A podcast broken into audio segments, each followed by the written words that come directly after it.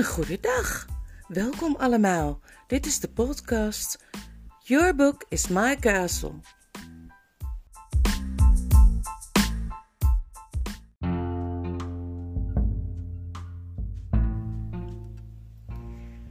Als ik dit hoofdstuk, dit volgende hoofdstuk, hoofdstuk 5, ga opnemen, dan is het morgen en ik kijk naar buiten en alles is gehuld in een dichte mist. Het is sprookjeswereld buiten. En dat doet me eraan denken dat ik dat. Ja, dat je dan makkelijk wegdrijft met je gedachten. Alsof je in Narnia bent. Nou, hier is hoofdstuk 5. Het avontuur in de bergen. Het gaat nog steeds over prins Caspian. Na dat ene gesprek hadden Caspian en zijn onderwijzer nog heel wat geheime bijeenkomsten bovenop de grote toren. En bij elk gesprek kwam Caspian meer te weten over het oude Narnia. Zodat hij bijna al zijn vrije uren bezig was met dromen en denken over vroeger en naar verlangen dat die mooie tijden weer terug zouden komen. Maar hij had natuurlijk niet veel vrij, want het begon nu ernst te worden met zijn opvoeding. Hij leerde zwaardvechten en paardrijden, zwemmen en duiken, boogschieten en muziek maken op de fluit en op de theorbe. Wat dat dan ook wezen mag. Hij leerde hoe je herten jaagde, hoe je een hert in stukken snijdt als het dood is. En verder leerde hij ook nog kennis van het heelal, redenvoering aanhouden, wapenkunde, poëzie en geschiedenis natuurlijk, en een beetje rechten, natuurkunde, scheikunde, sterrenkunde. Van de toverkunst leerde hij alleen de theorie, want Dr. Cornelius zei dat, ze het zelf uit, dat het zelf uitoefenen van de toverkunst geen geschikte studie was voor een prins. En voegde hij eraan toe: Zelf ben ik ook maar een heel eenvoudig tovenaar en ik kan alleen maar kleine proefjes doen. Over navigatie, dat is de nobele en heldhaftige kunst van de scheepvaart, zei de dokter, mocht hij niks leren, omdat koning Miras tegen schepen en tegen de zee in het algemeen was. Hij leerde ook van alles doordat hij zelf zijn ogen en oren gebruikte.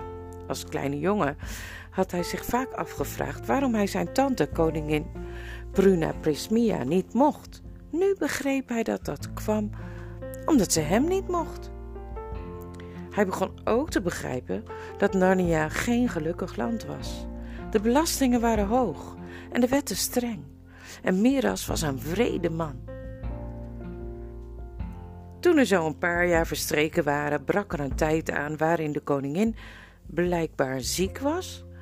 Er werd een hele hoop poeha en drukte om haar gemaakt in het kasteel en dokters liepen in en uit en de hovelingen fluisterden. Dat gebeurde vroeg in de zomer en op een nacht, toen al dat gedoe in volle gang was, werd Caspian onverwacht wakker gemaakt door dokter Cornelius, hoewel hij nog maar een paar uur in bed lag. Gaan we sterrenkunde doen, dokter? zei Caspian. Sst, zei de dokter.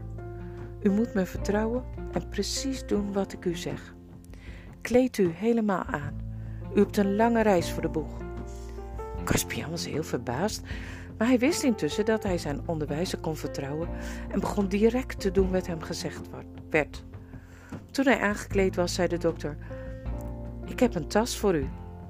Die moeten we in de kamer hiernaast voldoen met proviand van de eettafel van uw hoogheid. Daar zijn mijn lakeien toch? zei Caspian. Die slapen als een roos en ze zullen niet wakker worden van ons, zei de dokter. Ik ben wel geen groot tovenaar, maar een beetje slaap kan ik nog wel voor elkaar krijgen. Ze gingen naar de kamer ernaast en inderdaad, daar lagen de twee lakeien helemaal onderuitgezakt in een stoel, hard te snurken. Dokter Cornelius sneed vlug een rest koude kip dat van het eten van s'avonds overgebleven was en een paar plakken reebout in stukken, stopte dat met brood, een paar appels en een veldfles goede wijn in de tas die hij aan Caspian gaf. De tas kon Caspian met een band over zijn schouder hangen.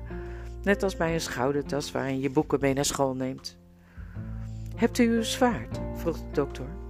Ja, zei Caspian. Doe deze mantel over alles heen om uw zwaard en uw tas te verbergen. Zo ja. En nu moeten we naar de grote toren om te praten. Toen ze boven op de toren gekomen waren, het was een bewolkte nacht, heel anders dan toen ze de ontmoeting van Tarva en Alenbil hadden gezien, zei dokter Cornelius: Mijn lieve prins, u moet direct weg van dit kasteel en in de wijde wereld uw geluk gaan zoeken. Hier is uw leven in gevaar. Waarom? vroeg Caspian. Omdat u de echte koningin van Narnia bent. Caspian de tiende, de enige echte zoon en erfgenaam van Caspian de negende. Lang leven uw majesteit. De man knielde opeens voor hem neer tot Caspians grote verbazing op één knie en kuste zijn hand. Wat betekent dat allemaal? Ik begrijp het niet, zei Caspian. Het verwondert me dat u me nog nooit gevraagd hebt, zei de dokter, waarom u, de zoon van koning Caspian, zelf ook niet koning Caspian bent. Iedereen behalve uw majesteit zelf weet dat Miras een uitbuiter is. Eerst, toen hij pas aan de macht was, deed hij zich zelfs niet eens voor als koning. Hij liet zich regent noemen. Toen stierf uw koninklijke moeder, die lieve koningin, de enige telmarijn die ooit vriendelijk tegen mij geweest is. En toen begonnen één voor één alle belangrijke edelen die uw vader hadden gekend dood te gaan of te verdwijnen. Dat was heus geen toeval. Miras roeide ze uit. Belisar en Uvilas werden tijdens een jachtpartij met pijlen doodgeschoten. Een ongelukje, werd er gezegd. Het hele nobele geslacht van Passarit stuurde hij naar het noorden om tegen de reuzen te vechten in het grensgebied, tot ze stuk voor stuk gesneuveld waren. Arlian en Erimon en nog zeker tien anderen gaf hij de doodstraf wegens verraad, waarvan ze vals beschuldigd waren. De beide broers van Beverdam liet hij in een gekhuis opsluiten en tenslotte wist hij de zeven edelen, dappere ridders, de enige telmarijnen die niet bang waren voor de zee, over te halen om uit te varen, om voorbij de oceanen in het oosten naar nieuwe landen te gaan zoeken. En zoals ook de bedoeling was, zijn ze nooit teruggekomen. En toen er niemand meer over was die het voor u op kon nemen, toen smeekten zijn aanhangers hem, zoals hij ze zelf had voorge voorgezegd, of hij geen koning wilde worden, om hem te paaien. En natuurlijk deed hij dat meteen. Bedoelt u dat hij mij nu ook wil gaan vermoorden? zei Caspian. En dat is wel zo goed als zeker, zei koning Cornelius. Maar waarom nu pas? zei Caspian. Ik bedoel, waarom heeft hij dat niet veel eerder gedaan, als hij dat van plan was? Ik heb toch niks gedaan? Hij is wat u betreft van gedachten veranderd, doordat er iets is gebeurd. Nog geen twee uur geleden. De koningin heeft een zoon gekregen. Ik zie niet in wat dat, wat dat ermee te maken heeft, zei Caspian. Dat ziet u niet in? riep de dokter uit. Hebt u van al mijn lessen in geschiedenis en politiek dan niets geleerd? Luister. Zolang hij zelf geen kinderen had, vond hij het prima dat u koning zou worden, als hij eenmaal dood was. Hij gaf dan wel niet zoveel om u, maar hij had liever u op de troon dan een vreemde. Nu hij zelf een zoon heeft, wil hij natuurlijk dat zijn eigen zoon de volgende koning wordt. Daarbij staat u hem nu in de weg. Hij gaat u uit de weg ruimen. Zou die echt zo gemeen zijn? zei Caspian. Zou hij mij heus vermoorden? Hij heeft uw vader ook vermoord, zei dokter Cornelius. Caspian kreeg een heel raar gevoel van binnen en zweeg.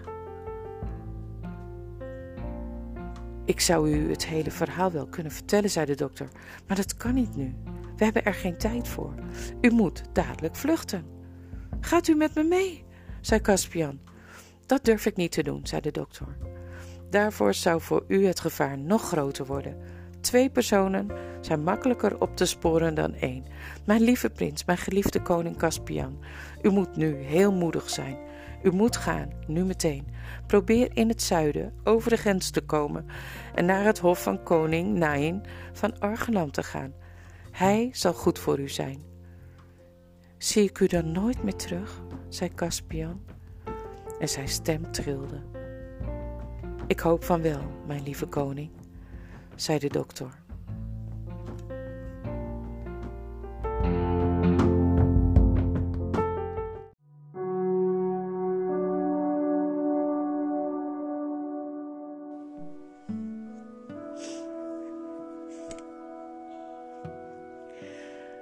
Wat heb ik behalve uw majesteit op de hele wereld verder voor vrienden?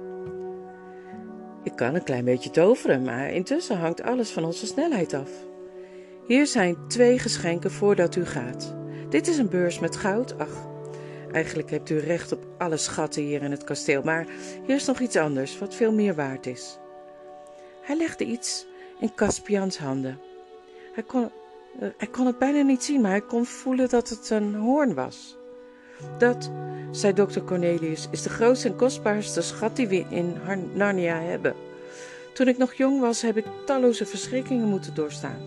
Talloze toverspreuken moeten uitspreken om hem te vinden. Het is de toverhoorn van koningin Suzanne zelf. De hoorn die ze achtergelaten heeft toen ze aan het eind van de Gouden Eeuw spoorloos uit Narnia verdween. Er wordt verteld dat ieder die erop blaast op een vreemde manier hulp zal krijgen. Maar niemand kan zeggen hoe vreemd die hulp zal zijn. Het kan zijn dat deze hoorn de kracht bezit om koningin Lucie, koningin, koning Edmund en koningin Suzanne en de hoge koning Peter terug te roepen uit het verleden en misschien dat die alles weer in orde zullen maken. Het zou ook kunnen zijn dat hij Aslan zelf oproept. Neem hem mee, koning Caspian, maar gebruik hem alleen in de allerhoogste nood. En nu, snel, snel. Het deurtje dat helemaal beneden in de toren zit. De deur die in de tuin uitkomt, zit niet, zit niet op slot. Daar moeten we afscheid van elkaar nemen. Kan ik Destrier mijn paard meekrijgen? zei Caspian. Die staat al gezadeld en wel voor je klaar op de hoek van de boomgaard. Terwijl ze de lange, smalle wenteltrap afdaalden, gaf Cornelius fluisterend nog allerlei wenken en raadgevingen. En de moed zonk Caspian in de schoenen, maar hij probeerde alles te onthouden. Toen was daar opeens de frisse lucht in de tuin, een hartelijke handdruk met de dokter, rennen over het gazon, het gehinnik van Destrier om hem te begroeten, en zo verliet koning Caspian X het kasteel van zijn voorvaders. Toen hij achterom keek, zag hij vuurwerk het lucht ingaan, ter ere van de geboorte van de nieuwe prins. De hele nacht reed hij door naar het zuiden. Zolang hij het terrein nog kende, koos hij binnenweggetjes en ruitenpaden door het bos, maar daarna bleef hij op de hoofdweg. Destrier was door deze ongewone reis al even opgewonden als zijn baas, en al hadden er tranen in Caspians ogen gestaan toen hij afscheid van dokter Cornelius moest nemen, nu voelde hij zich dapper en in zekere zin gelukkig bij de gedachte dat hij nu koning Caspian was. Koning Caspian die het avontuur tegemoet reed, met op zijn linkerheup zijn zwaard en op zijn rechter de toverhoorn van koningin Suzanne. Maar toen de ochtend kwam, met een motregentje, en hij om zich heen keek, en aan alle kanten niks anders zag dan bossen en heiden, blauwe bergen, die hij nog nooit van zijn leven had gezien, vond hij de wereld vreemd en groot en voelde hij zich klein en bang. Zodra het volop licht geworden was, ging hij van de weg af en zocht een open plek op, diep in het bos, waar hij kon uitrusten in het gras.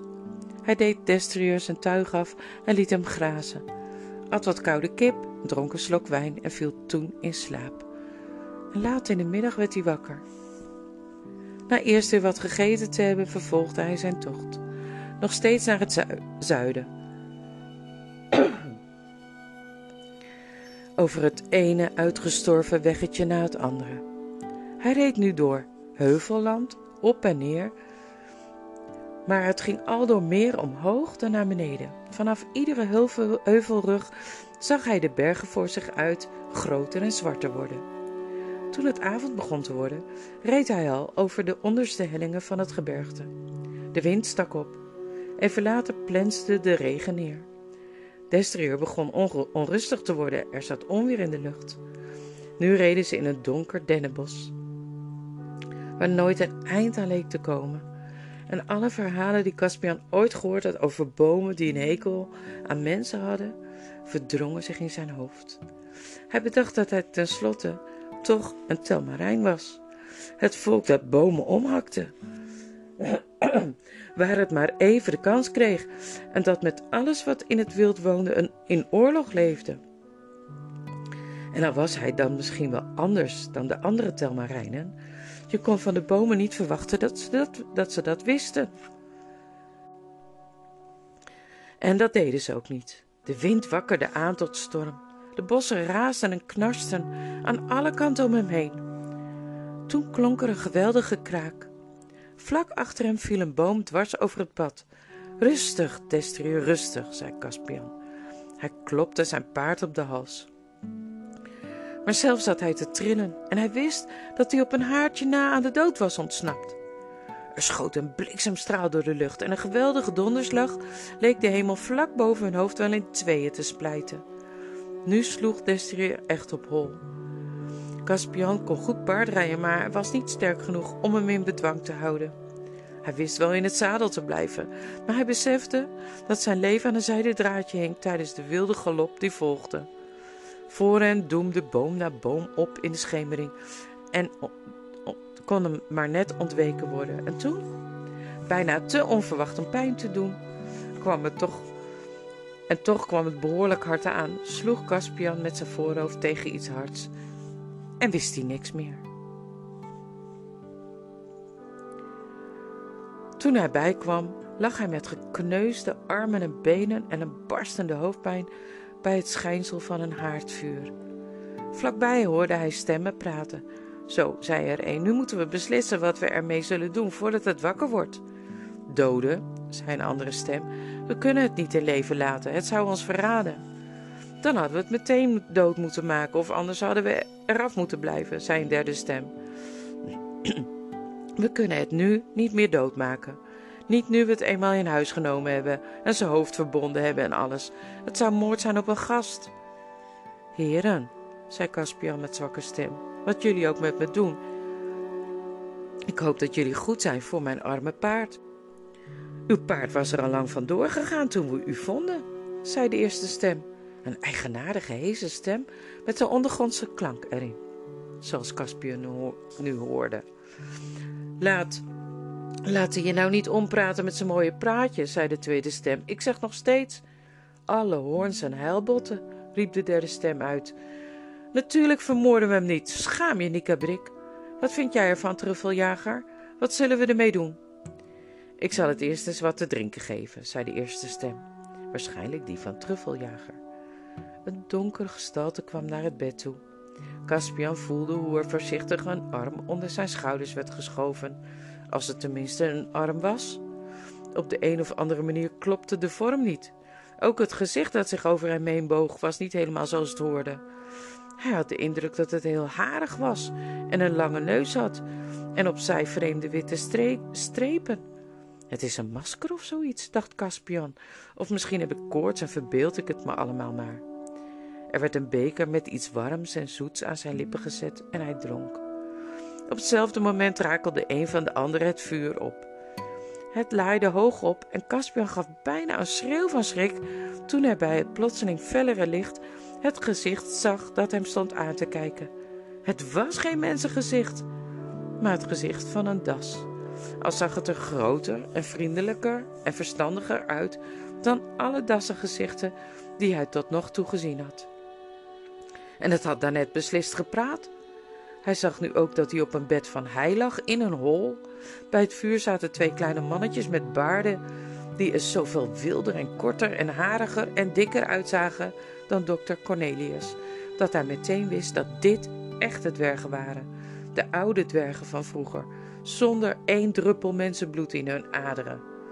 En Caspian begreep dat hij nu eindelijk de oud-nonniers had gevonden. En toen begon alles voor zijn ogen te draaien.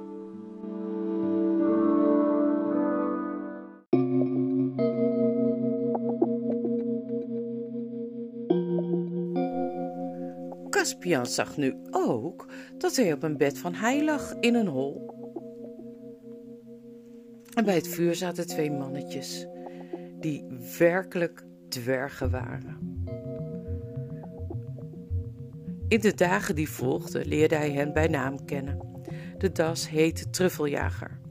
Hij was de oudste en de vriendelijkste van de drie. De dwerg die Caspian had willen vermoorden was een zwarte dwerg. Dat wil zeggen, hij had zwart haar en een zwarte baard. En zijn haar was zo dik en stug als paardenhaar. Hij was een zuurpruim en heette Nikabrik. De andere dwerg was een rode dwerg, met haar dat nogal op dat van een vos leek. Hij heette Trompoen. Nou, zei Nikabrik op de eerste avond dat Caspian weer zo ver beter was dat hij overeind kon zitten en met hen kon praten, dan moeten we dus nog steeds beslissen wat we met die mens zullen doen. Jullie tweeën denken nou wel dat jullie het een geweldige dienst hebben bewezen door mij tegen te houden toen ik het dood wilde maken, maar ik denk dat het eind van het liedje is dat we het voor de rest van zijn leven gevangen zullen moeten houden. Ik ben echt niet van plan om het weer levend en wel los te laten, zodat het terug kan naar zijn eigen soort, om ons allemaal te gaan verraden. Alle knollen en kussen slopen, Nikabrik, zei Trompoen. Waarom moet je nou zo onbeschoft doen? Dat beest kan er ook niks aan doen. Dat het net voor ons hol met zijn hoofd tegen een boom aangeknald is. En ik vind niet dat het eruit ziet als een verrader. Zeg, zei Caspian, jullie weten nog niet eens of ik eigenlijk wel terug wil. Ik wil dat niet eens. Ik wil bij jullie blijven, als jullie dat tenminste goed vinden. Ik ben mijn hele leven al naar wezens zoals jullie op zoek. Ja, dat zal wel, gromde Nika Brik. Je bent een telmarijn en een mens of niet soms. Natuurlijk wil je terug naar je eigen soort. Nou, zelfs al zou ik willen, dan zou ik nog niet kunnen, zei Caspian. Ik heb, ben voor mijn leven gevlucht toen ik dat ongeluk kreeg. De koning wilde me vermoorden. Als jullie mij gedood hadden, dan hadden jullie precies gedaan wat hij graag wil. Nee, maar, zei Truffeljager, hoe is het mogelijk? Hè? zei Trompoen. Wat zeg je daar? Wat heb je uitgespookt, mens? Dat jij op jouw leeftijd al in Miras vaarwater bent terechtgekomen? Hij is mijn oom, begon Caspian net, toen Nikabrek al met zijn hand aan de dolk overeind sprong. Daar heb je het al, riep hij. Niet alleen Telmarijn, maar ook naast de familie en erfgenaam van onze grootste vijand. Zijn jullie nog steeds zo gek dat je dat wezen in leven wilt laten? Hij zou Caspian daar en op hetzelfde moment hebben neergestoken als de das en trompoen niet tussen beiden gekomen waren en hem gedwongen hadden om weer te gaan zitten op zijn stoel. Nu voor de laatste keer, Nikabrik, zei Tom, Trompoen, beheers je. Of moet de truffeljager en ik soms boven op jou gaan zitten? Mokkend beloofde Nikabrik dat hij zich fatsoenlijk zou gedragen en de beide anderen vroegen Caspian om zijn verhaal van vooraf aan te vertellen. Toen hij dat gedaan had, was het even stil. Het is het raarste verhaal dat ik ooit gehoord heb, zei Trompoen. Dat bevalt me helemaal niet, zei Nikabrik. Ik wist niet dat de mens nog steeds verhalen over ons vertelt. Hoe minder ze over ons weten, hoe beter. Die oude kinderjuffrouw bijvoorbeeld, die had beter haar mond kunnen houden. En die onderwijzer, dat is helemaal een rommeltje, zo'n overgelopen dwerg. Ik haat ze. Ik haat die nog erger dan de mensen.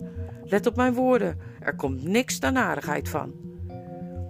Begin nou niet te kletsen over dingen waar jullie geen verstand van hebben, die Brik, zei Truffeljager. Jullie dwergen zijn net zo vergeetachtig en wispelturig als de mensen. Ikzelf, ik ben een dier, nog wel een das bovendien. Wij veranderen niet, we houden vol. En ik zeg je dat er veel goeds van zal komen. Dit is de echte koning van Narnia, die we hier bij ons hebben. Een echte koning die terugkomt naar het echte Narnia. En wij dieren hebben altijd onthouden, al willen de dwergen dat nog alles vergeten, dat het in Narnia nooit goed is gegaan, behalve als we een zoon van Adam als koning hadden. Alle draken en draaitollen, truffeljager, zei Trompoen. Je bedoelt toch niet dat je het land aan de mensen wil geven? Daar heb ik niks over gezegd, antwoordde de das. Dit is geen mensenland en wie zou dat beter kunnen weten dan ik? Maar dit is wel een land waarover een mens koning hoort te zijn.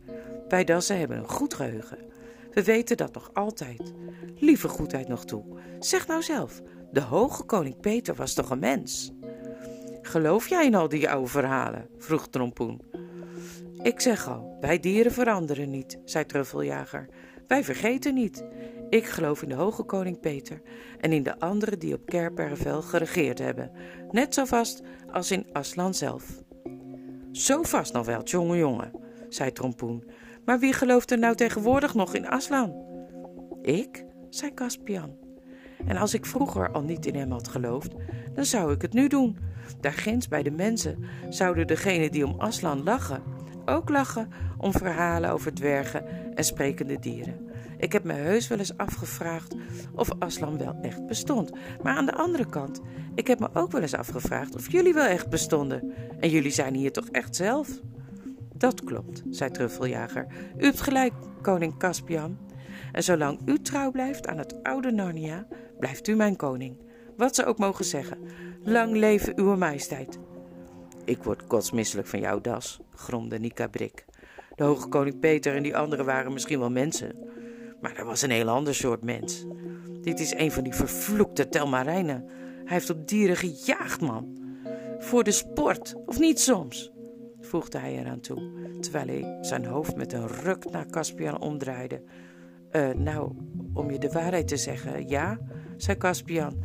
Maar dat waren geen sprekende dieren. Dat is precies hetzelfde, zei Nika Brik. Nee, nee, zei Truffeljager. Dat is niet waar, dat weet je best.